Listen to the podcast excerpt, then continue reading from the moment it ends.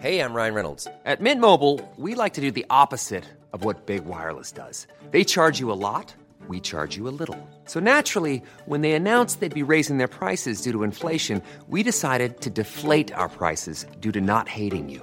That's right. We're cutting the price of Mint Unlimited from $30 a month to just $15 a month. Give it a try at mintmobile.com slash switch. $45 upfront for three months plus taxes and fees. Promo rate for new customers for limited time. Unlimited more than 40 gigabytes per month. Slows. Full terms at mintmobile.com.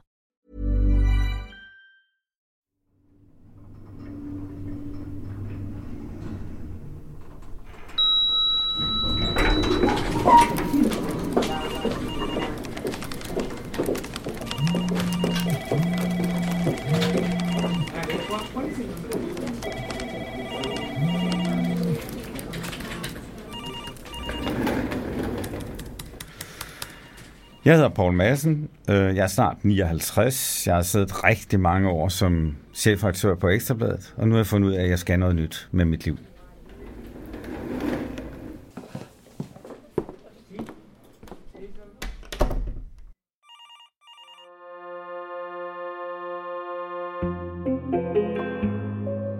Paul Madsen startede sin karriere på et nyåbnet TV2, og inden han forlod tv-stationen, sad han i chefredaktørens stol. Man skulle tro, at Ekstrabladet havde stjålet Pauls familiemotto og gjort det til deres slogan. For hjemme omkring spisebordet Boglund, der turde man tale, hvor andre tidede. Så da han i 2001 blev tilbudt stillingen som chefredaktør på avisen, var det nærmest som at komme hjem. Med en enkelt afstikker som chefredaktør for gratisavisen 24 timer, kom Paul igen tilbage til Ekstrabladet og genoptog sin gamle stilling. Og her har han siddet lige siden, indtil marts i år, hvor Paul har besluttet, at der er nye græsgange, der skal betrædes.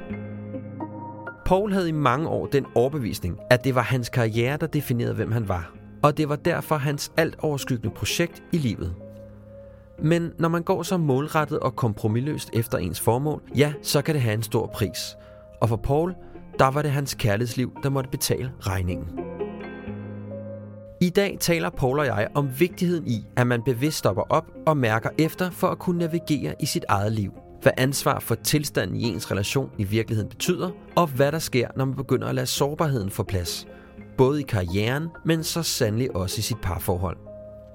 Og her inden vi starter episoden, så vil den kvikke lytter måske have bemærket, at jeg sidste gang sagde, at det i dag skulle have været Martin Thorborg, som kom bag mikrofonen.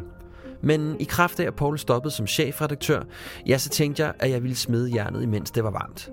Som man siger. Martin, han kommer i næste afsnit.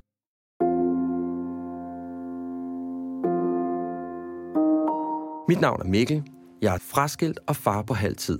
Og jeg er på jagt efter at genfinde min identitet som mand. Derfor har jeg besluttet at tale med mænd, som jeg beundrer, og finde ud af, hvad deres livserfaringer har lært dem, og forhåbentlig få nogle råd, der kan hjælpe mig videre på min vej til at blive en bedre mand. Velkommen til Handkøn.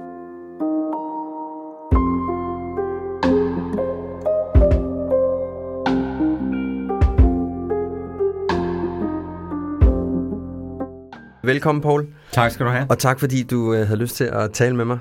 Selvfølgelig. Jeg har glædet mig. Ja, det har jeg faktisk også, og jeg, jeg tænker, at det, det ser ud som om, du får lidt mere tid nu, end, end du plejer at have. Ja, det er i hvert fald hovedformålet, blandt andet med det, jeg har gjort. Øhm, altså, jeg har jo gjort det til mit formål, at jeg vil prøve at genfinde mandens identitet. Og det gør jeg, fordi jeg selv for nogle år siden, der blev jeg skilt, og der ramte jeg ligesom med, med fortællerne først ind i en, i en, ordentlig, en ordentlig livskrise.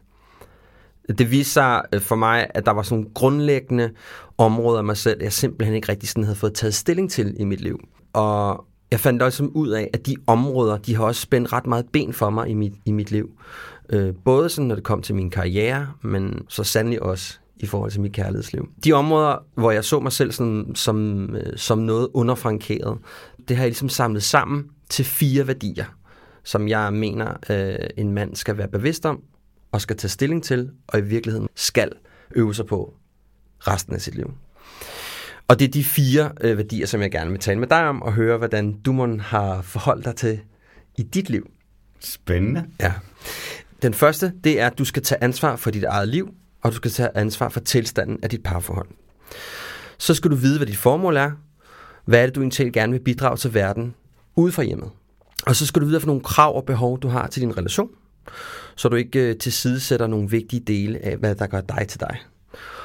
Og så er det vigtigt, at du har adgang til din sårbarhed, og at du også tør udtrykke dig ud fra din sårbarhed. Den første, vi skal tale om, det er, at du skal tage ansvar for dig selv og for tilstanden af din relation. Jeg indleder altid med ansvaret, fordi øh, det er i min øh, optik den værdi, der er drivkraften for hele min model. Øh, man kunne kalde det sådan et, et kontroltårn, om du vil. Øh, for den holder øje med, om du er opmærksom på øh, dig selv og de andre værdier. Jeg har personligt haft sådan en del forbabelser med det egentlige, hvad det egentlig talt vil sige at have ansvar i mit eget liv. Øh, og fordi den måde, jeg er opdraget med at have ansvar, det er, øh, som jeg havde set fra min, fra min far, som min far gjorde, det var ligesom at komme hjem med en pose penge, og så var resten ligesom lidt overladt til tilfældighederne, eller i mit tilfælde min kone. Jeg har ikke været særlig god til at tage ansvar for ting, jeg ikke, hvor jeg ikke følte mig, jeg var på sikker grund. Har du sådan gjort dig nogle tanker om, hvordan du tager ansvar for dig selv?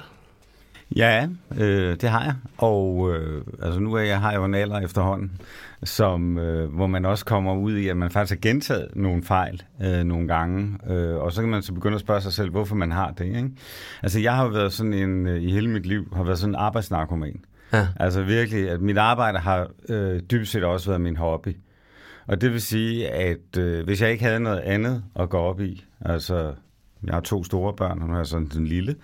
Øhm, altså hvis jeg ikke havde haft de der to store børn, øh, der, altså de har jo også været små en gang, øh, hvor jeg skulle hjem til dem, øh, så tror jeg virkelig, at øh, kæden var sprunget af. Fordi så tror jeg, jeg var endt øh, med at bare arbejde hele tiden. Ja. For det var skide sjovt.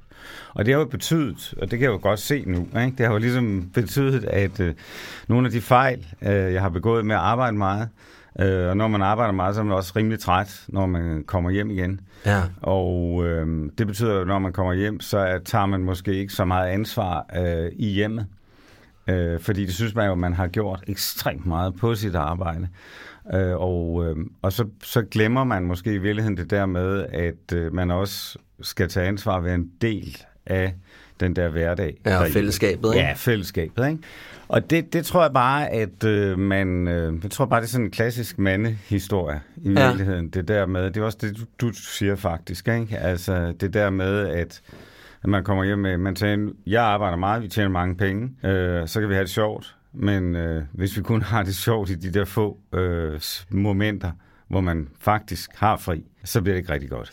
Jeg, jeg synes, jeg var øh, altså selv Øh, jeg synes, jeg var vældig god til at tage ansvar. Ikke? Ja, hvordan, hvordan, hvordan, hvordan kan være, du, du tænkte, du var det? Ja, hvis noget var dårligt, ja. øh, så tænkte jeg, okay, så skal vi ud og rejse, eller så skal vi gøre det, og så skal vi gøre det. Så reparere på det. Så reparere på ja. det, ikke? Øh, men hvor det så bliver jo, i stedet for det ligesom er sådan en, en følelse, du har, som jeg har i mit nuværende parforhold, af en, altså et, en samhørighed.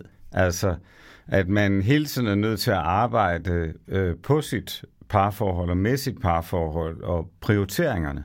Ja. Ikke? Altså, mit, jeg har været gift nogle gange.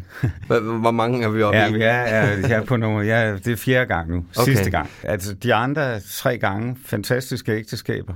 Øh, der er sådan en, en melodi, jeg godt kan lide, det er Every end has a start. Det skal man altid huske på, ikke? Ja. at øh, det, der måske er skidt i, start, i slutningen, der var også noget, der var rigtig godt øh, i starten. Kan du se et tydeligt mønster i de, øh, i de ægteskaber, du har haft? Ja, måske. Ja. Altså sådan et, et mønster af at bevæge sig væk fra hjemmet. Øh, altså ligesom starte måske fælles ud, men så ligesom bevæge sig... Ja, med en drøm om, hvad det skulle være, ikke? Ja, og ja. så ligesom i stedet for måske øh, blive for optaget af øh, og gøre noget andet, altså uden for hjemmet, ikke? Øh, og ikke at gøre det selv, ja. øh, uden ligesom at gøre det sammen. Det tror jeg har været sådan, hvis jeg sådan skal kigge tilbage på, øh, på, på, på sådan et mønster i det, ja. det, jeg har foretaget mig. Det lyder næsten også som sådan en holdopdeling, ikke? Altså, jo. at du er hold 1, og så er der hold 2, og så får du ligesom, altså sådan, næsten som sådan et, et gæstepas ind i, øh, det er sådan lidt det, jeg lidt hører dig sige. Ja, jamen, jamen det, det har også, altså min følelse har også været øh, indimellem, altså når det var dårligst, ja. en følelse af at øh, ikke Ugens gæst. Ja, altså være sådan en, der øh, ligesom kommer forbi, øh, og øh, så spiser vi middag, og så går man igen, havde Ja, sagt. Ikke? ja. Altså, og, Men gjorde der nogle tanker om det, hvor du havde placeret dig i, din, øh, i dine relationer? Ja, men altså man kan jo sige, at det, har jo også, øh, altså, det hænger jo også sammen med, at jeg har haft det der meget, meget mærkelige job Ja. i ekstremt mange år. Ikke? Altså Jo. som sådan et øh, job, hvor du på en eller anden måde, det er lidt et drug. Altså, for, og specielt hvis man ligesom spiller en, en offentlig rolle i, i øh, debatten og offentligheden. Ikke? Ja. Og så er det sådan et sted, som er, at sådan klassisk, du kan køre ind en mandag morgen, øh, måske for dit sommerhus, er blevet der, haft en dejlig weekend, der er ikke sket en skid, og du tænker, det bliver den stille ugen her, og så får du en opringning, og så ved du bare... Og så er noget, der eksploderede. Ja, og så ved du bare, at øh, nu ser du ikke familien den, de næste otte dage. Ja. Ikke? Fordi der bare er... Og så, så, så tror jeg bare, at selv, den selvforstærkende virkning i det her var, at det var jo nødvendigt, at jeg trådte til med mit arbejde. Så det kunne jeg ligesom bort Det annullerede alt andet. Al, annullerede alt Ja. andet, ikke? Og det ja. kunne jeg ligesom Ferier og alt. alt. alt. Ja. Og det kunne jeg ligesom op i mit hoved øh, også øh, øh, argumentere med, at øh, det var jo nødvendigt. Jeg kunne ikke gøre andet. Hvad skulle jeg ellers gøre? Altså, Ja. øh, men det har jo nogle konsekvenser øh, i forhold til dit parforhold og dit, altså dit liv helt generelt ja. ellers, ikke? Så det ligesom sådan har været, øh, man har startet parallelt, og så har du ligesom taget to grader øst, Ja. og din, resten af familien har taget to grader vest, ikke? Og så sejler man ligesom... Jo, altså, man har aldrig, altså, det er aldrig lykkes, så kan det være, at man lige har korrigeret kursen en lille smule Ja. en sommer. Men så er der noget nyt, der eksploderede. Så er noget nyt, og så drejer ja. vi til højre igen, ikke? altså væk fra hinanden. Ikke? Det, jeg hørte dig sige, det er også, at du, sådan, at, det, at du har kunnet argumentere op i dit eget hoved for, at det var jo dit arbejde, det var sådan, det var. Ja. Og det var det vigtigste, der Ja. var i dit liv. Ja, altså, at jeg kunne Altså, jeg er med på, at du elsker dine børn. Det er ja, ikke, ja, ja, det er ikke men, det, vi men, altså, men- min, altså, da mine børn, det er jo, jeg har jo to store børn, de er 31 og 29, og så er jeg den her nyfødte, ikke? Ja. Øh, så de to store, det var noget andet dengang, fordi øh, der blev jo skilt fra deres mor, øh, da de var 4 og 6, ikke? Ja. Så, så der havde de jo brug for mig. Altså, Ja. der var jeg nødt til at sige til mig selv, du skal hjem. Altså, jeg var Ja. alene, og du skal hjem, og du skal være sammen med dem. De skal have noget at spise. Ja, de skal have noget at spise, de skal op i skole i morgen tidlig, Ja. ja. skal have en madpakke med, Ja, ja? Øh, ja. de skal til sport, altså alle de der ting. Ikke? Ja. Øh, og det var jo en redning øh, på det tidspunkt. Så går der en hel masse år, hvor, hvor, jeg, øh, hvor jeg ikke, hvor de bliver større og større, så gider de jo ikke mere, vel? Og så er det i virkeligheden, at skibet, tror jeg, sejler for alvor ja, den anden vej. Ja. Men det var også interessant, fordi det, det er jo, apropos det, vi også sådan lidt talte om, eller sådan, da indledningsvis sagde, hvad det her program handlede om, omkring, en, at man, der måske virkelig også bare har, har eksisteret sådan en, en ubevidsthed i dig omkring, hvad det egentlig projektet egentlig gik ud på. Ja, det kan du godt sige. Du kan sige, at øh, det der med, øh, altså jeg, jeg tror egentlig et eller andet sted inde bagved, har jeg jo godt vidst, at jeg var på en katastrofekurs. Men hvorfor gjorde du ikke noget ved det så? Fordi at, øh, jeg tror i virkeligheden, det med mit arbejde, øh, altså gjorde, altså det var jo sjovt. Og jeg Ja. ja. havde det jo øh, vældig godt med det, og trivedes med det, og alle de der ting, der var der. Ikke? Og øh, så fik jeg bygget den der op i mit hoved, en, altså en undskyldning. Ja. Ikke? Som var, Du kan jo nok forstå, at du kan jo godt forstå, at jeg kan Ja. ja. jo ikke bare sige, at nu hvor alle øh, er efter Ekstrabladet, så kan jeg ikke, stiller jeg ikke op. så er der altså ikke plads til vælling. Og, Nej. øh, og, Og det gik op for mig her øh, for godt og vel et år siden. hvorfor gik det op for dig Jo, der? fordi at jeg blev gift igen, og Okay. øh, min nye kone ville meget gerne have børn, og øh, Så hun er lidt yngre end dig, tænker ja, jeg. det er hun. Og hun havde ingen børn. Øh, og jeg vidste jo, hvor meget, hvor betydningsfuldt det havde været i mit liv at have børn. Ja. Altså, og derfor kan man jo ikke, man kan jo ikke begynde at nægte nogen, øh, synes jeg, at få børn, som har været det, det bedste i mit liv. Nej. Og derfor gik det så også op for mig, også fordi hun ligesom meget tydeligt sagde til mig, altså du er også nødt til at gå op med dig selv, så om du skal begå samme fejl en gang til, eller ja. om du ligesom nu måske skal Ændre- prøve, at ændre for, taktik. prøve at forstå, hvad det er, der i virkeligheden er sket, og øh, ændre taktik, ikke? Ja. Så derfor vidste jeg bare, at øh, da hun så bliver gravid, at, øh, at det her kunne, det kunne i virkeligheden blive det afgørende turning point for mig. Okay. Altså, og, og der var jo en meget heldig situation i virkeligheden også, ikke? Fordi at øh, jeg siddet der i mange, mange år øh, på, i det der topjob inde på Ekstrabladet. Øh, jeg havde fuldt og helt realiseret mig selv øh, som chef. Ja. Så, så nu var det måske i virkeligheden, og det var så også det, jeg begyndte at argumentere over for mig selv med, og min kone understøttede min, min overvejelse. Din nye tese. Ja, ja. At, at nu var det måske noget andet, jeg skulle realisere mig på, nemlig at øh, være tæt på øh, i mit øh, nye barns opvækst. Men tror du så, det hænger sammen med, får jeg også lyst til at spørge dig om, at fordi nu kunne du se, nu havde du ligesom sådan situationstegn, nu var du på toppen, øh, nu havde du ligesom realiseret dig selv, så nu var der måske plads til noget andet, eller var der nogle andre ting, der var i spil også? Jamen, um, det var meget det der med, at øh, jeg behøver ikke vise mere. Altså, Nej. jeg behøver ikke øh, vise Nej. omverdenen mere. Altså, nu skal jeg, noget, jeg skal vise over for mig selv, at det, som ikke lykkedes fuldt og helt øh, for 25 år siden. Det kan jeg godt ja, det kan jeg godt. Altså, ja. det er min udfordring nu. Altså, jeg er sådan en type, ikke, som skal have udfordringer hele tiden. Ikke? Det er også noget af en udfordring for det til at fungere. Det er det. På den gode måde. Ja, det bliver der kæmpe, altså det, min datter er fem uger, ikke? Så, så, så, så det bliver der en kæmpe udfordring ja. nu. ja, det gør det. og øh, ligesom få det her til at lykkes, ikke? Ja. Tror du, at du vil, øh, tror du også, det ville kunne have sket, da du var lidt yngre? Eller, eller tror du, alderen også har, har spiller ind her? Jamen, jeg tror bestemt, at alderen øh, spiller ind. Ikke? Altså, ja. jeg bliver 59 her øh, med månedens udgang. Ikke? Og øh, hvis, hvis, jeg, hvis det havde været for 20 år siden, så havde jeg stadigvæk haft en masse, jeg skulle bevise ja. arbejdsmæssigt. Så du, så du tænker også, det handler noget om, at du skulle bevise noget for... Ja, men jeg skulle sådan overvise mig selv, altså omverdenen mig selv, alt. Ja. Alle skulle ligesom forstå, hvor genial jeg var. Ikke? Altså, ja. Og indtil jeg ligesom var rolig med, at øh, det havde folk set, ikke? så kunne jeg, kunne jeg jo ikke trække mig tilbage. Ikke? Nej, det er klart. Men nu har vi sammen fundet ud af, hvor genial du er. Lige nej. Ja. Nu skal du så vise, hvor genial du er til at være i, en, i et parforhold. Det er det. Så det åbner jo sådan lidt op for øh, den anden øh, del af det ansvar, jeg mener, man skal tage. Det er jo det her med at tage, tage ansvar for tilstanden af din relation. Og det virker på mig som om, at det er du blevet en del mere bevidst omkring. Ja, det er jeg. Ja. Altså, øh, det er ikke nok at lave en materiel tilgang til det. Hvad mener du med det? Jamen, altså, det, det er ikke nok det der med at sige, vi tager også på den fedeste skiferie nu, øh, fordi vi trænger til en ferie, eller øh, vi tager på sommerferie, eller vi går lige på restaurant her, ikke? Eller, Ja, det bliver altså, sådan lidt blodpengeagtigt, ikke? Jo, altså det, det er lige, jo, det kan du godt sige. Ja. Jamen det, altså, hvor det handler om noget andet. Ja. Altså Ja. noget dybere. Jamen, det kender jeg godt. Jeg kan, jeg kan godt kende for mig selv, det hvor man siger sådan, jamen, så kunne vi da også, øh, hey, skal vi ikke købe den der, eller skal vi, ikke, skal vi ikke tage det over og se det? Og så ligesom tænke, lad os lige sminke livet, ikke? Jo, jo, jo, jo. Og så også lad os lige blive følelsen, inden Ja. vi skal til at reparere på det. Ja. Ikke? Altså, det er i hvert fald, altså, jeg kommer fra sådan et hjem, øh, hvor min mor var ikke, altså, vi, vi var enormt mange børn også, ikke? Ja. Jeg er nummer 6. Hold da kæft. yngste.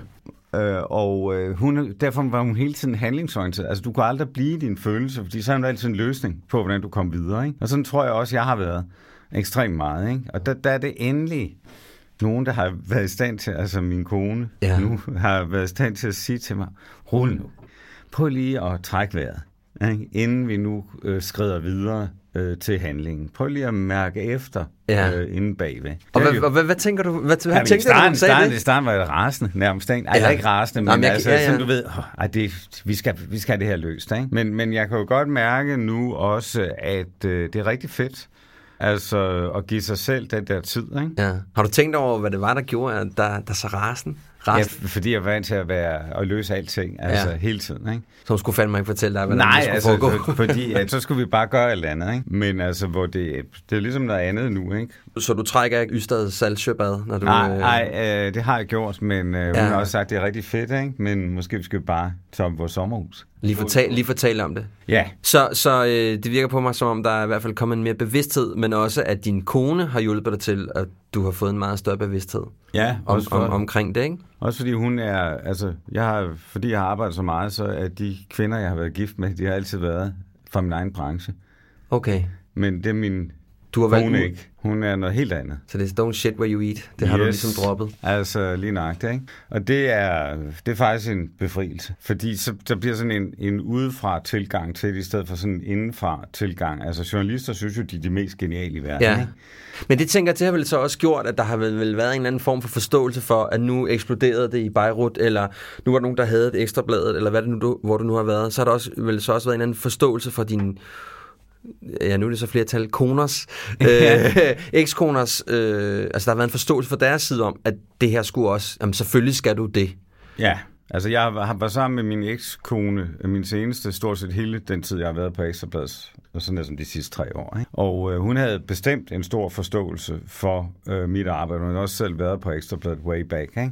Øh, så hun vidste godt, hvad det var for noget shit, jeg var i. Ikke?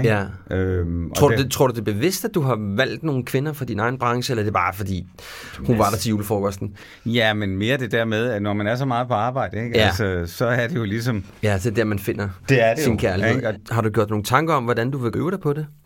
Ja, altså, jeg, jeg er nødt til at give mig selv bedre tid. Ja, Ikke? Altså, øhm, altså, du kan ikke... Jeg tror meget, at, at de fejltagelser, mange af de fejltagelser, jeg har begået, har jo været, fordi der i virkeligheden har været manglende tid til refleksion. okay.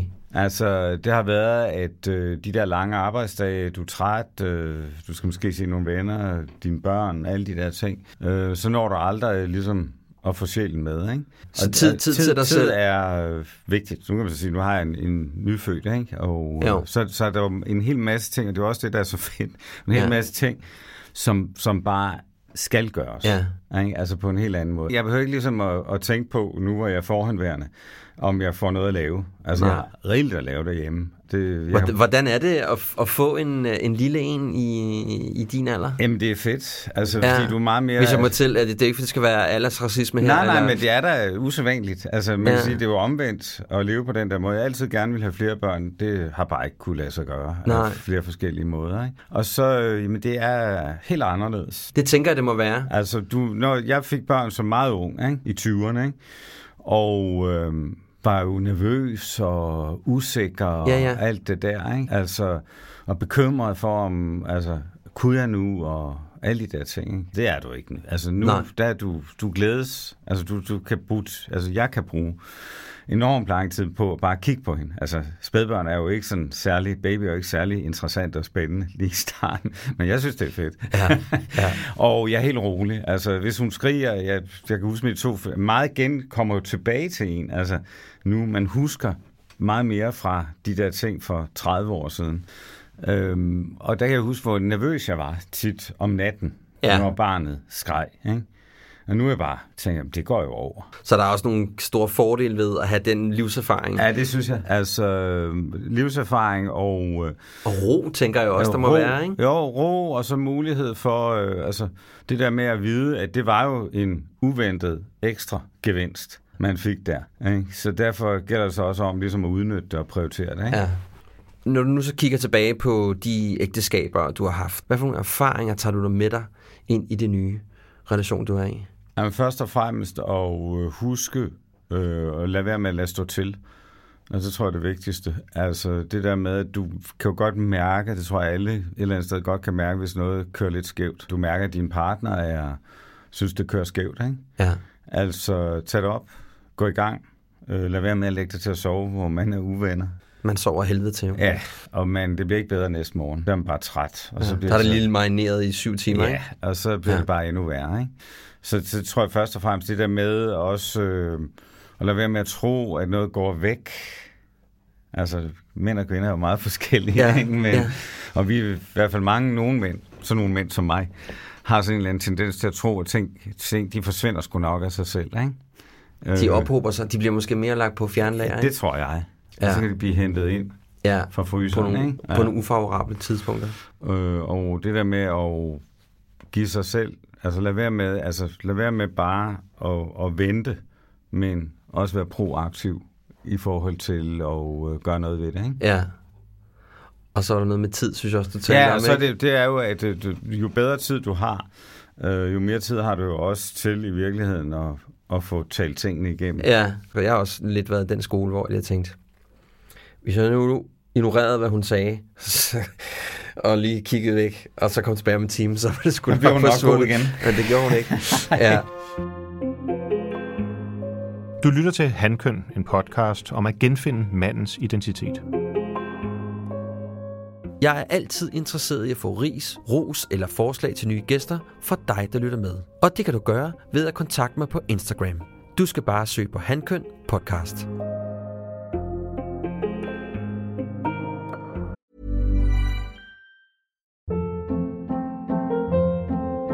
Hold up. What was that? Boring. No flavor. That was as bad as those leftovers you ate all week. Kiki Palmer here, and it's time to say hello to something fresh and guilt-free. Hello Fresh. Jazz up dinner with pecan-crusted chicken or garlic butter shrimp scampi. Now that's music to my mouth. Hello Fresh. Let's get this dinner party started. Discover all the delicious possibilities at hellofresh.com.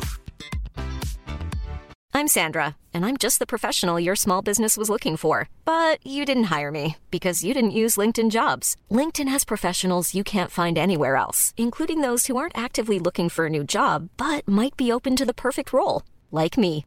In a given month, over 70% of LinkedIn users don't visit other leading job sites. So if you're not looking on LinkedIn, you'll miss out on great candidates like Sandra. Start hiring professionals like a professional. Post your free job on linkedin.com/people today. Nå, den næste ting, vi skal tale om, det er formål. Jeg mener, det er ret vigtigt, at øh, du skal vide, hvorfor du går på arbejde om morgenen. Det er ret vigtigt også, at du kan mærke, at du gør en forskel. Og det er også vigtigt for mig at pointere, at når jeg taler om formål, så taler jeg om formål ud fra hjemmet. For for mig er det ikke en formål at være, at være en god far. For mig ligger det i et ansvar. Jeg har et ansvar for, at det her menneske bliver en, et godt lille menneske. Jeg havde i mange år øh, en meget, jeg havde sådan en meget uklar fornemmelse af, hvad det egentlig var, jeg havde gang i. Jeg vidste godt, jeg lavede noget i, jeg havde været i reklamebranchen i mange år, men det var, ja, det var altid lidt sådan en halvlunken oplevelse. Jeg var rigtig glad i, i, i 14 dage på det nye bureau, og så kunne jeg godt mærke, at der var noget galt. Ikke? Og det skaber jo også, når man er derhjemme, så skaber det jo ligesom også nogle konflikter og noget frustration, som jo også kommer, som selvfølgelig også fiser ind i hjemmet. Øh, så det var en, det var en, det var en udfordring for mig. Nu kan jeg så sige, nu har jeg så fundet det. Og Det tog også bare lige øh, nogle af 40 år, inden jeg fandt ud af en tal, hvad det, var, hvad det var, jeg ville. Og derfor så ville jeg da i klogskabens klare skær ønsket, at jeg havde været mere opmærksom på, og havde mere adgang til at forstå, at det formål var ret vigtigt. Og så sidder jeg over for en mand, jo, som øh, virker øh, på mig, som om, at du har et meget tydeligt formål. Har du nogensinde defineret, hvad det formål er? Ja, altså det tror jeg faktisk, jeg definerede som, allerede som barn. Okay. Altså, forstå mig ret. Ja. Ikke? Altså, fordi selvfølgelig definerer mig det ikke sådan 100 procent. Men jeg kommer fra sådan et hjem, øh, skolelærerhjem, øh, skolelærerhjem nede i Sønderland, hvor der altid var diskussion. Og øh, sådan en forventning om, at man skulle tage stilling til alting. Og øh, ikke nødvendigvis det samme. Mine forældre var for eksempel meget kristne, og nogle af mine brødre er blevet ekstremt venstreorienteret. Og det var helt fint. Men man skulle tage stilling til, hvad man ville med ja. sin tid. Og det vil sige, at man, man kunne ikke bare være ligeglad. Altså, og det var, så bliver sådan en social indignation, også som jeg i virkeligheden bærer med mig øh, fra, min, fra min barndom. Ikke? Så derfor vidste jeg meget tidligt, at jeg skulle være, øh, være øh, ikke være skolelærer, som min mor mente, jeg skulle, Okay. men øh, journalist. Ikke? Og øh, fordi det var sådan et fag, hvor man kunne gå ud og påvirke det samfund, man var en del af. Ikke? Ja. Så, så det var sådan meget sådan, pff, tydeligt for mig. Og, øh, Det har så, du også gået benhårdt efter, kan man sige. Ja, ikke? og derfor synes jeg også, øh, at der har været en meget lige linje fra Landsbyskolen i Sønderjylland og så til Jørgenkontoret på Rådhuspladsen. Ja. Øh, fordi der er nogle værdier, øh, som jeg bærer med mig. Altså Ekstrabladets stærkeste mission, altså tør hvor andre tiger. Ja. Det her med at være den, altså hvis den lille mand bliver trådt på, så er det Ekstrabladet, man ringer til. Magthaverne er bange for Ekstrabladet. Det kan jeg garantere Ja. dig for, at det stadig virker. Altså, øhm, og, det, og det har virkelig også været vigtigt for os at fastholde den der øh, ting. Ikke? Og derfor var det, da jeg blev journalist, det var helt naturligt. Øh, så kan man sige, man, det er jo lidt tilfældigt, hvor man ender. Jeg endte på TV2 som ja. Ja. helt ung journalist. Ikke? Øhm, og der var jeg også drevet af, at jeg skulle ud og afsløre øh, magten og så videre. Ikke? Øhm, og, og der var, så, bliver jo, så bliver man jo ældre og, og mere fornuftig. Ja, ja, okay. Trods alt. Og så bliver der også noget karriere i det og, og den slags ting. Jeg har altid gjort det, og det gør jeg sådan set stadig. Øh, Og jeg gjorde det her for nylig, og det var der, jeg besluttede at stoppe på Ekstrabladet. Der jeg kigger mig selv i spejlet, øh, sådan billedligt talt, Ja. øh, hver andet tredje år. Og siger, at det jeg laver nu, er det sjovt nok, er det spændende nok, udfordrer det dig stadigvæk, øh, er det værd at bruge så meget tid på, øh, som du gør. Og det gjorde, da jeg var på TV2 som ung journalist, at øh, der var jeg 12 år, og så har jeg kun været et andet sted, Ekstrabladet, som jeg så har været øh, 19 år på med en lille afstikker til et, et, gratis avis, vi startede ikke? tilbage i 2006. Ikke? Når du står der og, og, og tager din, øh, din treårsstatus, hvad er det så for nogle værktøjer, du bruger for at mærke, øh, om det her er en god, et godt sted, jeg er, eller et dårligt sted? Jo, men så, så laver jeg virkelig sådan en plus- og minusliste. Så altså, helt fysisk? Helt fysisk arbejdsmæssigt. Nu tror jeg, den laver en mere virtuelt op i mit hoved. Ikke? Ja. Men jeg har siddet mange gange, specielt i min tid på TV2 og starttiden på Ekstrabladet, og skrevet ned, hvad er plusserne ved mit arbejde, og hvad er minuserne? Ja. Og der har altid stået nogenlunde det samme over på minussiden, som handlede om... Øh, ja, det er meget nysgerrig på. Arbejder for meget. Ikke? Og det har sådan set altid været den, der stod derovre. Ikke? Øh, men så har der været så mange plusser, Øhm, og så har det typisk også været sådan overvejelsen på TV2, det var hver gang, jeg, vil, jeg er også en utålmodig sjæl, ikke? Mm. så jeg skulle hele tiden have en ny udfordring. Ikke? Og derfor har jeg tit brugt de der til at enten at sige til min chef, øh, jeg har simpelthen brug for, at der sker noget nyt, eller også har de kendt mig så godt, så de vidste, at øh, hver andet tredje år blev utålmodig.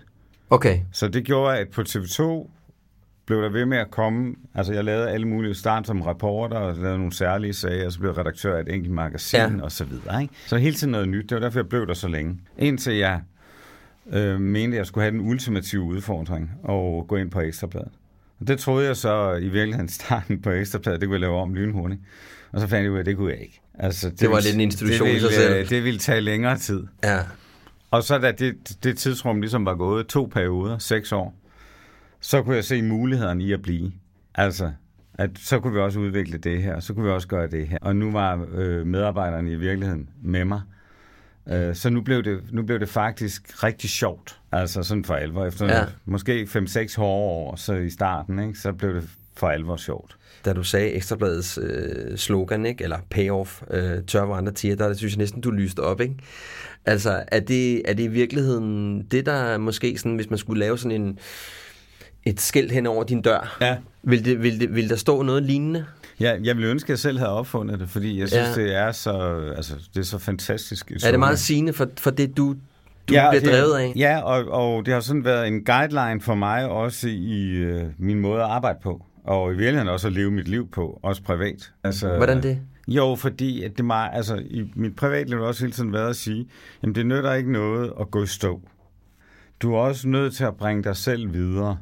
Ja. Øh, så kan det godt være, at der går noget tid, og man glemmer undervejs at, at gøre de rigtige ting og, og sådan noget. Men, men det er altid, bottom line har altid været at sige, jamen altså, du har kun det her ene liv. Ja. Så ser for noget ud af det, ikke?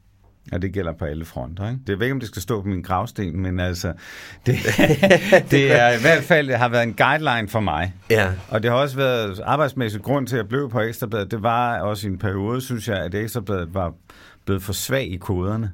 Ja, altså, altså det var blevet sådan for, det var for øh, udvandet. Boglam. Ja, altså ja. det her tør, var andre siger. Så var øvelsen jo i virkeligheden at prøve at genopfinde det igen på ja. en ny måde. Ikke? Det er jo nærmest også det, der er blevet sagt hjemme ved, øh, ved, ved, ved, ved morgenbordet? Jamen det er det. i Sønderjylland. Altså, yes, altså det er lige nøjagtigt. Du er nødt til at tage stilling. Du kan ikke bare sætte dig hen i hjørnet og vente på, at nogen andre gør det for dig. Aha. Selv gør det. Den lille mands øh, kamp mod øh, det store system. Ja, ja, også fordi det der hjem, jeg kommer fra, det var sådan, altså, vi var mange børn, ikke? så vi var altid mange. Ikke?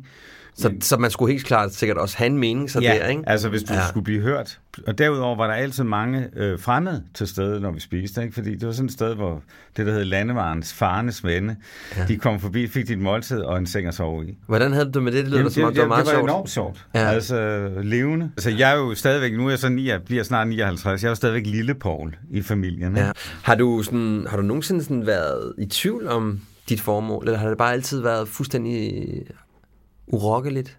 Nej, altså jeg har været i tvivl, fordi første gang jeg søgte ind på journalisterskolen, kom jeg ikke ind. Ikke? Og øh, øh, det var jeg meget skuffet over, ikke? fordi det var ligesom hele missionen. Ikke? Ja. Og så startede jeg på universitetet med at læse statskundskab. Ikke? Det fandt jeg så meget hurtigt ud af. Det var ikke det, det, det var, om. Og alt, alt for teoretisk til mig. Ikke? Ja. Jeg har aldrig, altså jeg har aldrig fortrudt, at jeg blev journalist. Jeg har aldrig fortrudt de valg, jeg har taget. Mm-hmm. Øhm, altså med at være så længe på to arbejdspladser, øh, som jeg faktisk har været. Ikke? Tror du, at det, der, sådan, at, at det har drevet dig så langt, at dit formål har været så tydeligt for dig? Ja, det tror jeg. Ja. Altså, jeg, jeg tror, at det man... Jeg, altså, Jeg har det sådan tit, når jeg taler om politikere, folk taler jo også tit til mig, siger, hvad er der dog galt med politikerne? Så jeg siger, jeg synes tit, man mærker en uægtehed. Altså, de er ja. ikke ægte.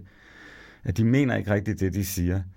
Øh, det er sådan noget, de har fået at vide, de skal. Så er der en eller anden øh, exit poll, et eller andet, som har vist dem, at det er det her, de skal. De politikere, som jeg synes lever bedst, er jo, øh, som jeg tror mest på, er jo dem, jeg kan mærke ægtheden i. Ja. Det tror jeg også for mig selv altid har været ledestjernen. ikke? I starten, ung som ung chefredaktør på Ekstrabladet, der var der også nogle gange, hvor jeg tænkte, nu må jeg hellere tage den holdning, som jeg tror er rigtig for Ekstrabladet. Mm. Og så blev det heldigvis ret hurtigt til, at det, jeg sagde til mig selv, at det kan jeg ikke. Altså, jeg er nødt til at sige det, jeg mener. Men hvordan kan det være, at du tog det standpunkt? Og fordi at jeg tænkte, at Ekstrabladet var på en bestemt måde, så var det lykkelige jo, at jeg kunne selv lave Ekstrabladet til det, jeg gerne ville have det til at blive. Ja. Ikke? Og det er, jo, det er jo det største privilegie ved at være øverste chef i en organisation. Og jeg synes også, det ansvar, man skal påtage sig. Ikke?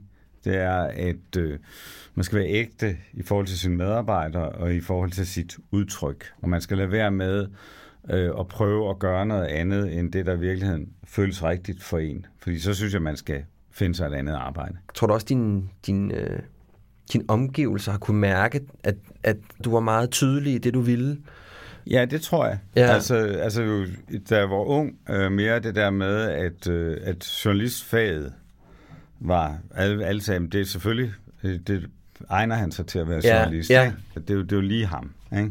Og øh, sidenhen tror jeg også, altså her de sidste 10-15 år, ikke? altså på Ekstrabladet, ikke? det der med, at folk også har kunne mærke, at jeg mente det, jeg sagde. Ja. Jeg synes, jeg har været heldig altså i mit arbejdsliv. Ikke? Altså, det er, at jeg har fundet den rette hylde. Prøv, prøv at tænke dig, hvor mange mennesker, der hele livet leder efter Ja. det rigtige arbejde. Og hvor jeg har haft det nemt, fordi at jeg meget hurtigt fandt det rigtige sted hen. Øh, og øh, var jo super glad også, da jeg var på TV2, altså, Ja. øh, for at være der. Ikke? Jeg slap jo ud inden, at det gik helt galt derovre. Ja, ja, ja der var du heldig. Puha. Ja. uh, lige på kanten. Ja. Øh, men, men altså, det, altså jeg, jeg, jeg tænker altid, og har altid tænkt også, øh, når jeg sad og synes, det hele var lidt, lidt træls, som man siger i Jylland, Ja. ikke? at øh, jeg vil lige minde mig selv om, hvor heldig jeg var. Så hvad skal der ske nu? Jamen, der skal ske det, at øh, jeg skal lave nogle ting, som tager lidt længere tid. Altså, Skal jeg gætte? Ja, det må du gerne. Okay. Er, er der en lille bog på vej? Ja, ja, det okay. er der. Det er godt. Det er godt. Så øhm, vil jeg gerne lave nogle programmer, altså podcast, tv. Ja. Øh, så vil jeg gerne ud på landvejen. Jeg elsker at tale med folk. Så det er også lidt måske noget med at komme tilbage lidt til håndværket igen? Ja, altså det er i hvert fald at komme tilbage til det, som jeg synes er det aller sjoveste, og det er at tage Ja. ud og snakke med folk. Altså, jeg er interesseret i, og så kan jeg, kommer jeg jo med en god historie, ikke? Altså med Ekstrabladet, som, som selvfølgelig Som basis. backup band. Og så er jeg, øh, altså, jeg kommer til at lave en bog, tror jeg, som kommer til at handle om, så lidt ligesom du nu laver, om Ja. mænd, kommer den her til at handle om øh, shitstorm. Altså, der er ikke, jeg tror ikke, der er nogen i det her land, udover Lars Løkke, som har stået i flere shitstorms, end jeg har. Så det er både noget med at måske at få lov til at, at øh, få mere tid til det, du gerne vil, og måske ville sådan kunne fordybe dig nogle ting, ja, og så måske altså, også få tid altså, til Jeg har noget. været vant til, ikke? Altså, på en, en normal arbejdsdag, og måske skulle tage stilling til et sted mellem 25 og 50 ting, ikke? hver eneste dag. Ikke? Ja, nu er du nede i omkring noget... Ja, Vælling, altså Vælling. mad, skide, sove. Ja, det er meget fedt, ikke? Jo, Ja. det er det der med de basale ting. Ikke? Ja, back to basics. Yes, ja. og det skal det så også være øh, med det, jeg skal lave arbejdsmæssigt. Ja.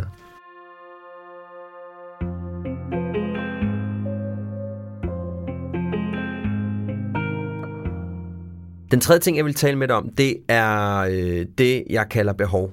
For mig så er det ret vigtigt, at du øh, er meget bevidst om, hvad det er, du har brug for i din relation. Så du ikke går på kompromis med nogle vigtige dele af, hvem du er. Jeg skældner imellem det at have nogle krav og nogle behov. Krav for mig, det er nogle grundlæggende ting, du skal have i din relation. For eksempel den måde, I taler på, den måde, du bliver set på, den måde, din seksualitet bliver mødt. Øh, alle de ting og sager. Og så er der nogle behov, du måske har brug for at fiske, eller du har brug for at gøre nogle ting, som i min optik er mere fleksible. Jeg har oplevet både mænd, jeg har coachet, men også bare sådan mænd, jeg har talt med generelt, at, at øh, der er faktisk ret mange ting, som de ikke har taget stilling til i forhold til, hvad de egentlig har brug for. Og pludselig så føles der noget, noget skam, og noget, at man ikke rigtig tør komme med det i sin, i sin relation. Eller også er det simpelthen bare blevet eroderet væk. Man har simpelthen glemt, hvad det var, at man egentlig selv havde brug for. Øhm, jeg har også selv personligt haft nogle udfordringer i, min, øh, i, min, øh, i mit ægteskab, hvor at jeg jeg først og fremmest sige, at jeg var ikke bevidst om, at jeg havde nogle behov, der skulle dækkes, og derfor så havde jeg ikke så svært ved at, at, at tildække dem eller putte dem på øh, fjernlager. Øh, men udfordringen for mig var, at øh, mit humør ændrede sig faktisk sådan gradvist, og jeg gav slip på nogle ret vigtige komponenter af mig selv, har jeg fundet af senere. Blandt andet noget omkring min egen spontanitet, og i spontaniteten ligger der jo i min optik også en lidenskab og en passion, og i den grad også kreativitet. Så det var nogle ting, jeg gav kald på, øh, ubevidst. Øhm, og det er jeg fuldstændig klar over, det var mit eget ansvar, at jeg ikke var opmærksom på det. Er du klar over, hvilket krav og behov du har til din relation? Ja, det tror jeg, eller jeg tror, jeg er blevet mere klar over det, men, men jeg synes stadigvæk, det er sådan en, en læringsproces ja. også for mig. Ikke? Altså, altså den der følelse af, at du giver dig og lader være med at, øh, at søge for at opfyldt de krav, som i virkeligheden er helt åbenlyse ikke? Ja. i et parforhold. Ikke? Altså det er for mig at se øh, den direkte vej til skilsmissen. Og det, og det er jeg blevet sådan blodigt gået op for mig øh, undervejs, og nogle gange for sent ja. også. Hvorfor tror du ikke, at du har gjort dig tanker om, hvad for nogle krav og behov, du havde i dine relationer? Jamen, for eksempel, altså, det er noget af det, som, som, som gik galt i mit forrige ægteskab, det var det her med, at, at vi glemte ligesom at tale ordentligt til hinanden. Okay. Altså, det er... Altså, vi talte ikke Altså det var sådan, blev sådan korte samtaler, beskeder, hvem køber ind, hvem gør hvad. Det at man glemmer at ligesom sætte sig ned og tage det stille og roligt. Ikke? Fordi øh, at øh, når jeg lød værd, så var det også en, men er ud fra den der filosofi, jeg orker det ikke, fordi jeg ved, at det ender et forkert sted. Det, det, det, ja. der, det ender i ballade? Ja. ja. Og, øh, og det går ikke. Altså, det, det, det, det er, så kan man lige så godt, mener jeg, hvis man ikke tror på, at man kan lave om på den grundlæggende præmis, at man skal kunne tale med sin partner og nå frem til en eller anden form for forståelse, ikke? så mener jeg ikke, man skal være sammen. Altså, det, øh, så, så, så er det simpelthen en misforståelse at være ja. sammen. Ikke? Men gik du med en fornemmelse af, at der var noget inde i dig, som du ikke sådan, nogle, nogle behov og nogle krav, som du var bevidst om, ikke kom ud, eller ikke kom, ja, ikke kom frem? Nej, men det, det er sådan meget, også ens bedste venner øh, kan jo se ting, som man i virkeligheden ikke ja. selv kan se. Ikke? Ja, hvad så de så? Jamen, de så, at jeg trak mig væk. Altså, ja. at jeg var enormt meget i byen alene. Altså, lavede enormt mange ting, gik til fodboldkoncerter og drak øl og spise middag med folk. Øh, som ikke var din familie? Som ikke var min familie, ja. øh, og uden min familie. Og, øh, Hvad tror du, det var en reaktion af? Det, det tror jeg, jeg tror, det var en reaktion af, ligesom at jeg var nødt til at komme væk. Ja. Øh, øh, For balladen? At, ja, og øh, fordi vi interesserer os for nogle meget forskellige ting, og det kan jo være skide sundt. Altså det der med, at man har hver sine interesser, det er rigtig fint, ikke? Ja. Men det er altså rigtig fedt at have fælles interesser, ikke? Ja. Så dit behov hvad skal man sige, blev dækket i, at du søgte en frihed, hvor du kunne være dig selv? Ja, så spiller jeg tennis, øh, som jeg spiller rigtig meget. Ikke? Ja. Øhm, og det interesserede øh, min daværende kone sig ikke for. Ikke? Nu, min nuværende kone har mødt på tennisbanen. Ikke? Så Perfekt. altså fritidsting, de er ja, rigtig gode. Så der kan man også møde. Ja, ja. ja. ja så, en tip. Og det betyder bare, at vi har en, en fælles fornøjelse i øh, at gøre det, og, og, og har så derfra bygget nogle andre ting op, som vi gør sammen. Tænker, tænker du, det er vigtigt, at man har, øh, altså nu har I så, jeres, nu har I så tennis, øh, hvad jeg desuden også kan steppe op om. Det er en fantastisk sport. Men, mm-hmm. men øh, tror du, det er en vigtig ting, at man har sådan noget? Ja, det tror jeg. Ja. Altså, jeg tror, jeg, øh, jeg, tror, jeg tror, det er vigtigt, at man har nogle fælles ting, man gør sammen. Om man så skal... Ja. Han har sagt, øh, et, et tidligere forhold, der gik vi til dans sammen. Jeg er virkelig dårlig til at danse, ikke? Men, men det var skide sjovt. Ikke? Altså, fordi det var noget, vi gjorde sammen. Ikke? Ja. Øhm, og det tror jeg bare også er sådan en, et oplevende moment i et parforhold, at man, man gør nogle ting sammen. Det kan være alt muligt. Det er ligegyldigt. Mm. Jeg tror bare, det er vigtigt, at man har noget, man gør sammen. Som ikke nødvendigvis er at sætte sig ned og bare snakke. Så du havde ikke nogen sådan krav, udover at du havde brug for, eller du tog dig selv øh, en masse frihed? Jo, men det synes jeg også er stort, ikke? Altså, det, Jo, synes det er jeg, det er stor en. Det synes jeg, altså, det er ikke anbefalesværdigt Nej, til andre. det er heller ikke det, jeg sidder altså, og det, borger for her. det er simpelthen, fordi det er en glidebane væk. Ja, Og øh, sådan lidt en rusebane, du kan ikke kravle tilbage på den, vel, for du er på vej ned af Ja. slisken, ikke? Øhm, og og det, der tror jeg bare, at hvis man skal have tingene til at fungere, så skal man virkelig øh, stå fast på de krav om, hvordan man taler sammen, også i et parforhold. Altså, Men tror du, det, tror du, det var det, der gjorde, at du sådan lukkede lidt ned for posen? Altså, at det var, at du kunne mærke, at, at den måde, som vi kommunikerer på sammen, gør, at jeg simpelthen ikke kan være i det, og derfor så, så tager jeg lige bag, bagdøren, og så går jeg ud og spiller noget tennis. Og...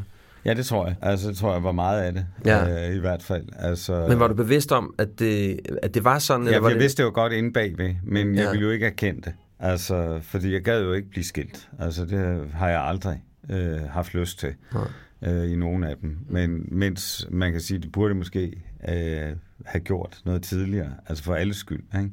Men, men altså, øh, jeg tror bare, det blev ubevidst, altså ubevidst bevidst. Altså, Ja, at Det var du- den lette løsning Ja. i situ- i situationstegn. Ja, Ja. ja. Det, er, det skønt at komme ud og banke til nogle tennisbolde, eller løbe sig en tur, eller cykle en tur, eller et eller andet. Ikke? Ja.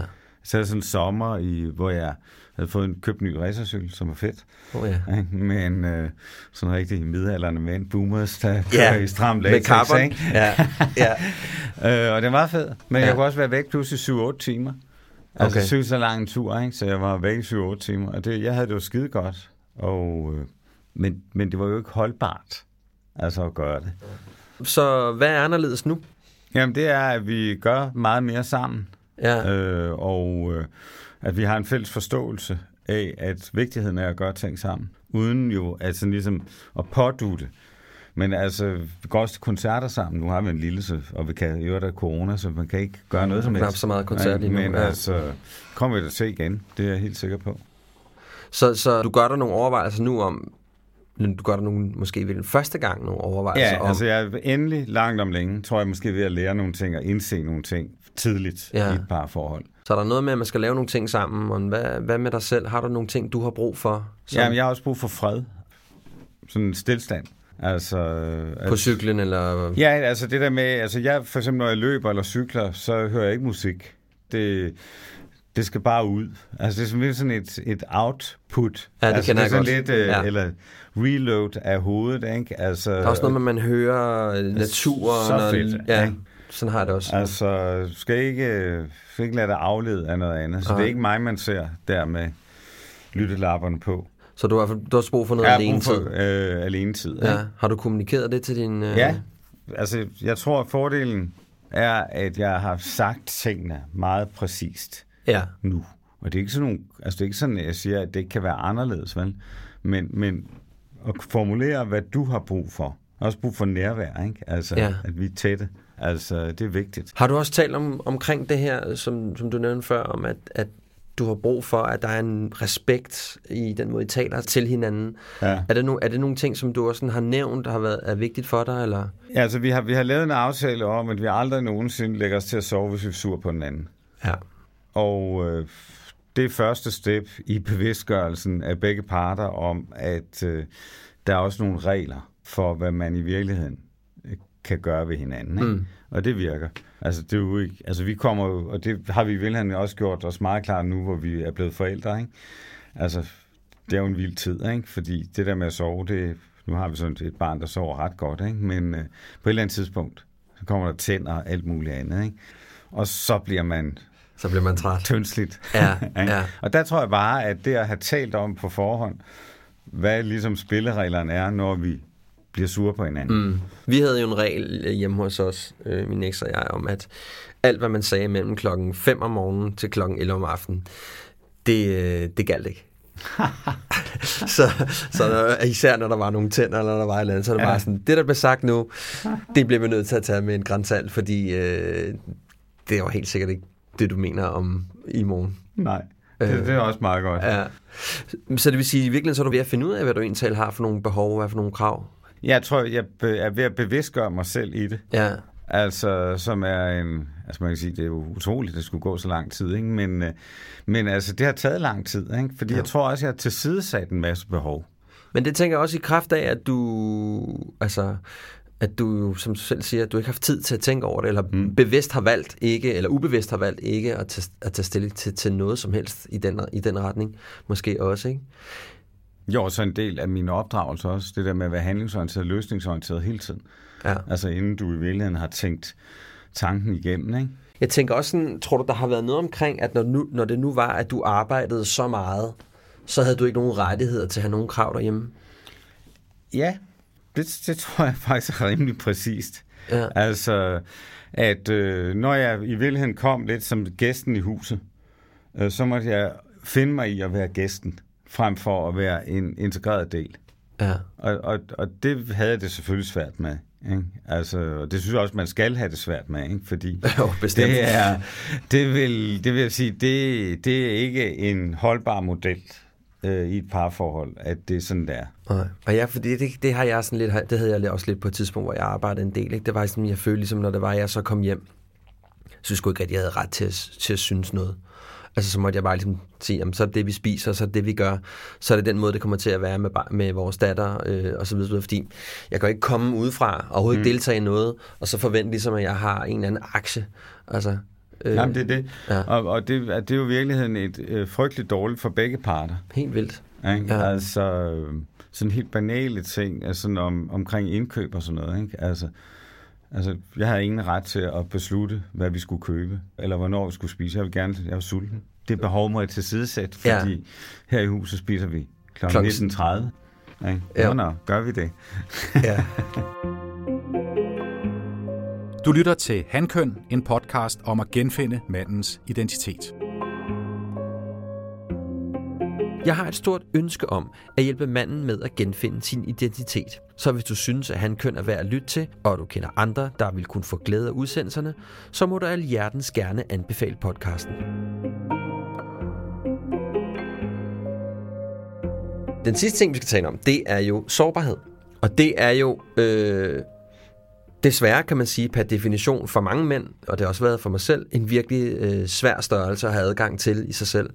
Jeg har øh, kæmpet rigtig meget med det, fordi at det har ikke været noget, som jeg har været opmærksom på, og det har ikke været noget, som... Jeg kommer ikke fra en familie, hvor at det at være det at tale om sådan nogle ting, om at være sårbar og om at have nogle følelser, der måske ikke rigtig altid lige passede ind i en manual, det var ikke noget, vi gjorde som sådan. Og jeg har tit fået at vide, ligesom, at jeg skulle øh, holde op med at skabe mig, for eksempel. Hvis det var, at det blev sådan lidt for klynkende, eller det blev sådan lidt for øh, kvindagtigt i virkeligheden. Ikke? Øh, og det jeg jo så fandt ud af, da jeg blev ældre, det var, at jo jo, jeg kunne da godt sige til dig, at jeg var vred, eller jeg var ked af det, eller jeg var skuffet, eller hvad det nu var for en følelse, jeg stod med. Men jeg kunne ikke fortælle dig, hvorfor at jeg var vred, eller skuffet, eller hvad det nu handlede om. Og det skaber jo altså nogle problemer, fordi den her sårbarhed har jo altså ikke alene noget at gøre med, som jeg ser det, noget med, hvordan man kommunikerer med sin partner, men det har så sandlighed også noget at gøre med, hvad, at kunne mærke, om mine behov bliver opfyldt, og kunne mærke, om jeg egentlig talt driver mit formål den rigtige måde, jeg skal gøre det på, og kunne mærke, om jeg egentlig talt øh, er til stede i mit eget ansvar og så videre. Så det er jo, det er jo sådan for mig en multifacetteret ting, ikke at have adgang til sin sårbarhed. Øhm, og så er, er, er det store bonusspørgsmål så, hvordan har du det med din sårbarhed? Jamen, jeg tror, jeg har pakket den væk i lange perioder. Øhm, altså, sårbarhed er jo mange, synes jeg, en, en hel del forskellige ting. Ikke? Ja. Altså, jeg har for eksempel haft, øh, altså, jeg har haft svært ved at modtage kritik, da jeg var yngre. Altså, Hvordan reagerede du så? jeg blev vred. Okay. Ikke? Altså, og følte mig uretfærdigt. Altså, angrebet uretfærdigt behandlet. Ikke? Ja, Øh, og det, det kan jeg godt kende. Ja, og så har jeg været nødt til at tillære mig og lige i virkeligheden tælle til 10 eller et eller andet, ikke? inden jeg ligesom begynder at argumentere imod. Ikke? Ja. Øh, og så omkring det der sårbarhed, der, altså sådan på det følelsesmæssige plan, der, der tror jeg, at øh, det første er noget, der er gået op for mig, at øh, det er okay. Altså sådan de sidste år. Ja. Øhm, Har det været også i forhold til, at du har mødt en ny kvinde, som, Ja. har, gjort, som har åbnet op noget i dig? Jo, men som, som havde en helt anden... Altså, jeg har aldrig... Med Helene har jeg aldrig følt, at, at jeg skulle forsvare mig. Altså, og, og det er jo fordi... Hvor, hvorfor, hvorfor egentlig ikke det? Nej, fordi at øh, jeg har hele tiden tænkt, hun ville mig det bedste. Okay. Ikke? Altså, at der var ikke, der var ikke andet, Der var ingen skjult Der var dagsorden. ingen skjult dagsorden, der var ikke et eller andet andet i det. Andet end, at hun i virkeligheden ville det bedste. Og, og, og nogle gange, så har jeg også sagt til hende, øh, "Men du, du skal ikke løse problemerne for mig. Og det, det er slet ikke det. Du skal bare høre lidt på mig. Okay. Og øh, så når jeg, og det er ikke sådan timevis, men øh, bare høre kort på det, fordi øh, så er det ude for mig, øh, og så skal jeg nok finde løsningen selv. Ikke? Ja. Øh, og det har virket. Det lyder som om, det også har noget at gøre med den natur, jeres relation har. Ja, det tror jeg også. Ja. Altså, Det lyder ja. også som om, at det er en meget anderledes relation, end de andre relationer, du har haft. Det er det, og øh, altså det, det er en, som er startet på en helt anden måde, baseret på nogle helt andre ting. Ja. Øhm, En helt anden erfaring, kan man også sige. Ja, og øh, også den der fede følelse af, at det ikke er en journalist. Altså, jeg behøver ikke snakke journalistik, Nej. når jeg har fri. Der er ikke nogen debatter, der skal, Nej, altså der, der er skal køres. ikke, øh, vi skal ikke gennemgå, hvordan øh, vi nu har lavet tingene i løbet af dagen. Altså, hvordan historien øh, er Men det tænker jeg, det, det gør jo virkelig måske også, at man kommer længere væk fra det, det, man måske føler, fordi så bliver det måske meget sådan noget mekanik.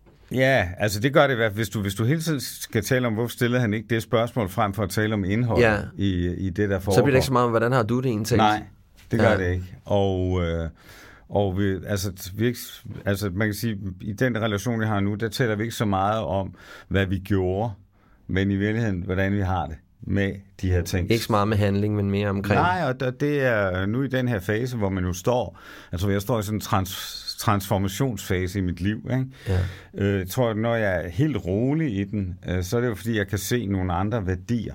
Og jeg også godt tør vise øh, indimellem, at øh, altså, jeg kommer da også til at savne det, jeg har lavet øh, på Ekstrabladet. Altså, det har jo også været fedt. Ja, ja. Men, men, øh, men det tør jeg godt både sige øh, her nu og ja. i, til min øh, kone. Ikke? Så Øh, der er en eller anden, flyder som om, der er en eller anden gradvis åbning af din, øh, ja. Af din sårbarhed over for, for, over for din øh, kone. Hvad? Ja, men, og forstået, altså, forstået værdien, det var den også i mit tidligere forhold, forstået værdien af at give sig selv tid til at tænke sig om, inden man handler.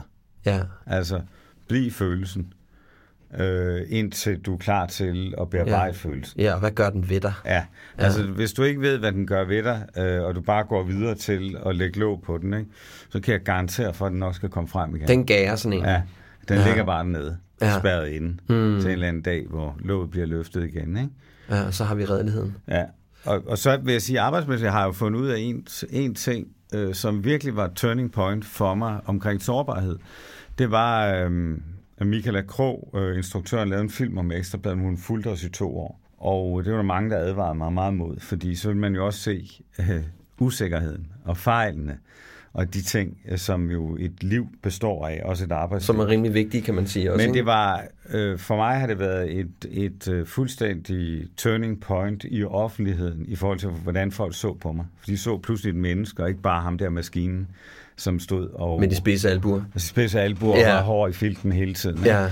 Og, og der kan man sige, man, jeg viste øh, min egen usikkerhed, min egen sårbarhed. Ikke? Hvad gjorde det for dig så, at du... Det, gjorde, det, var, det var virkelig godt. Altså, der var som sagt mange, også min chef, han var helt ude af 18 år, at jeg ville det her. Ikke?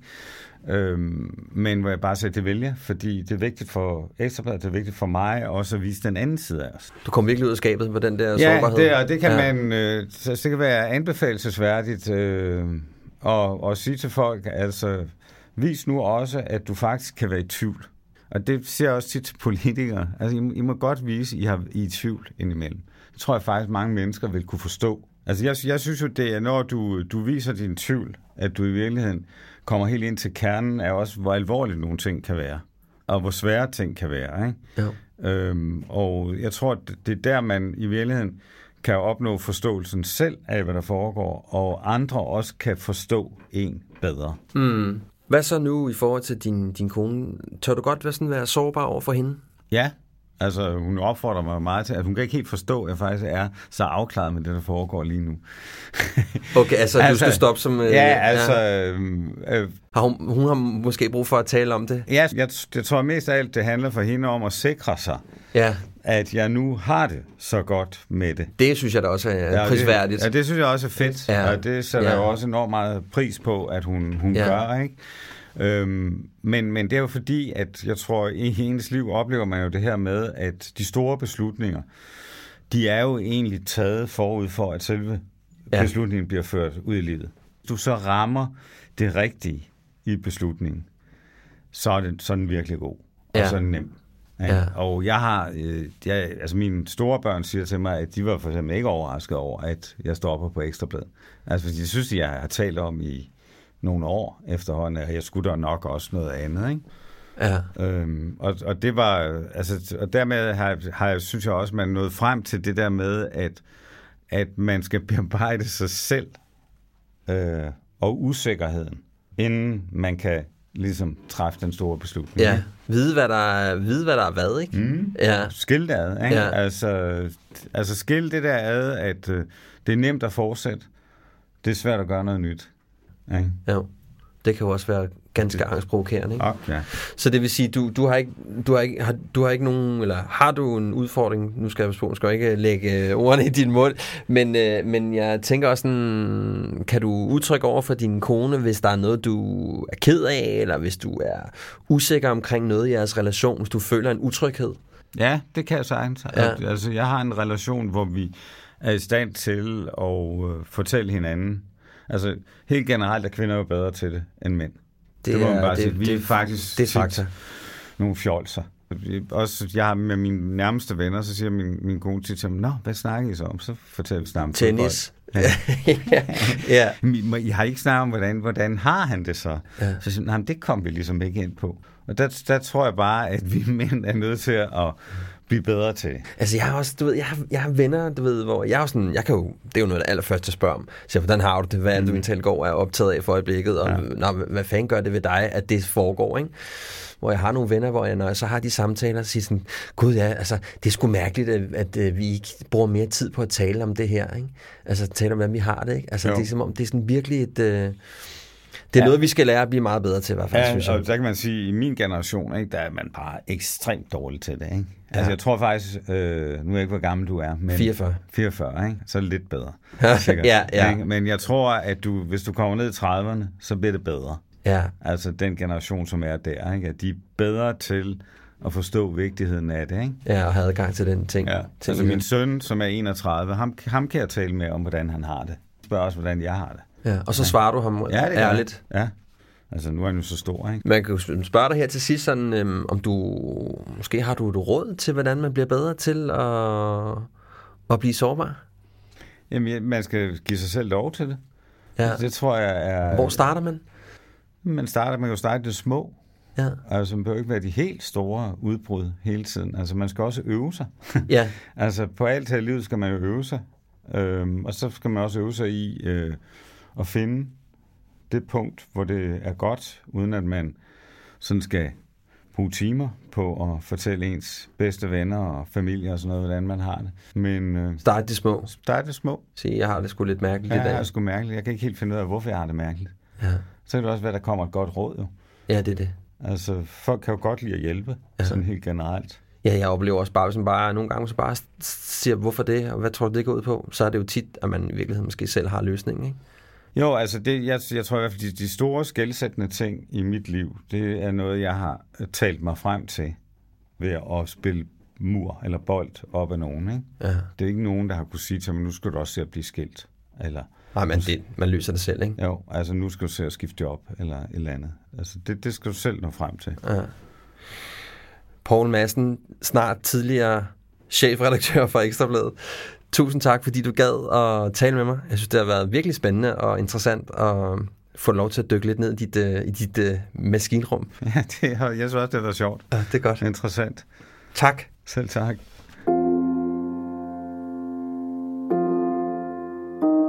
Det, jeg tager videre fra min samtale med Paul, er, hvor vigtigt det er at sikre, at der er balance mellem de fire værdier i ens liv. Paul løb mere eller mindre ubevidst væk fra problemerne i hans forhold, fordi i Pauls optik trumfede hans formål alt andet. Resultatet var, at han løb fra hans forhold og ind på hjørnekontoret, ud på tennisbanen eller op på racercyklen, fordi han ikke kunne overskue det ansvar, det ville tage og få styr på sit parforhold. Og det kostede dyrt. Det var først, da han tog mod til at stoppe op, trække vejret og indse, at det var tid til også at tage ansvar for resten af hans liv, at alt ændrede sig. Resultatet? Ja, det er der vist ingen tvivl om. Næste gang i Handkøn, som jeg nu har lovet to gange, interviewer jeg serieværksætteren Martin Thorborg. Jeg er stadig meget nysgerrig på, hvordan han fandt frem til sit formål, og hvad der må have drevet Martin til al den succes, han har opnået. Indtil vi ved, så pas på dig selv og dine værdier. På rigtig fint genhør.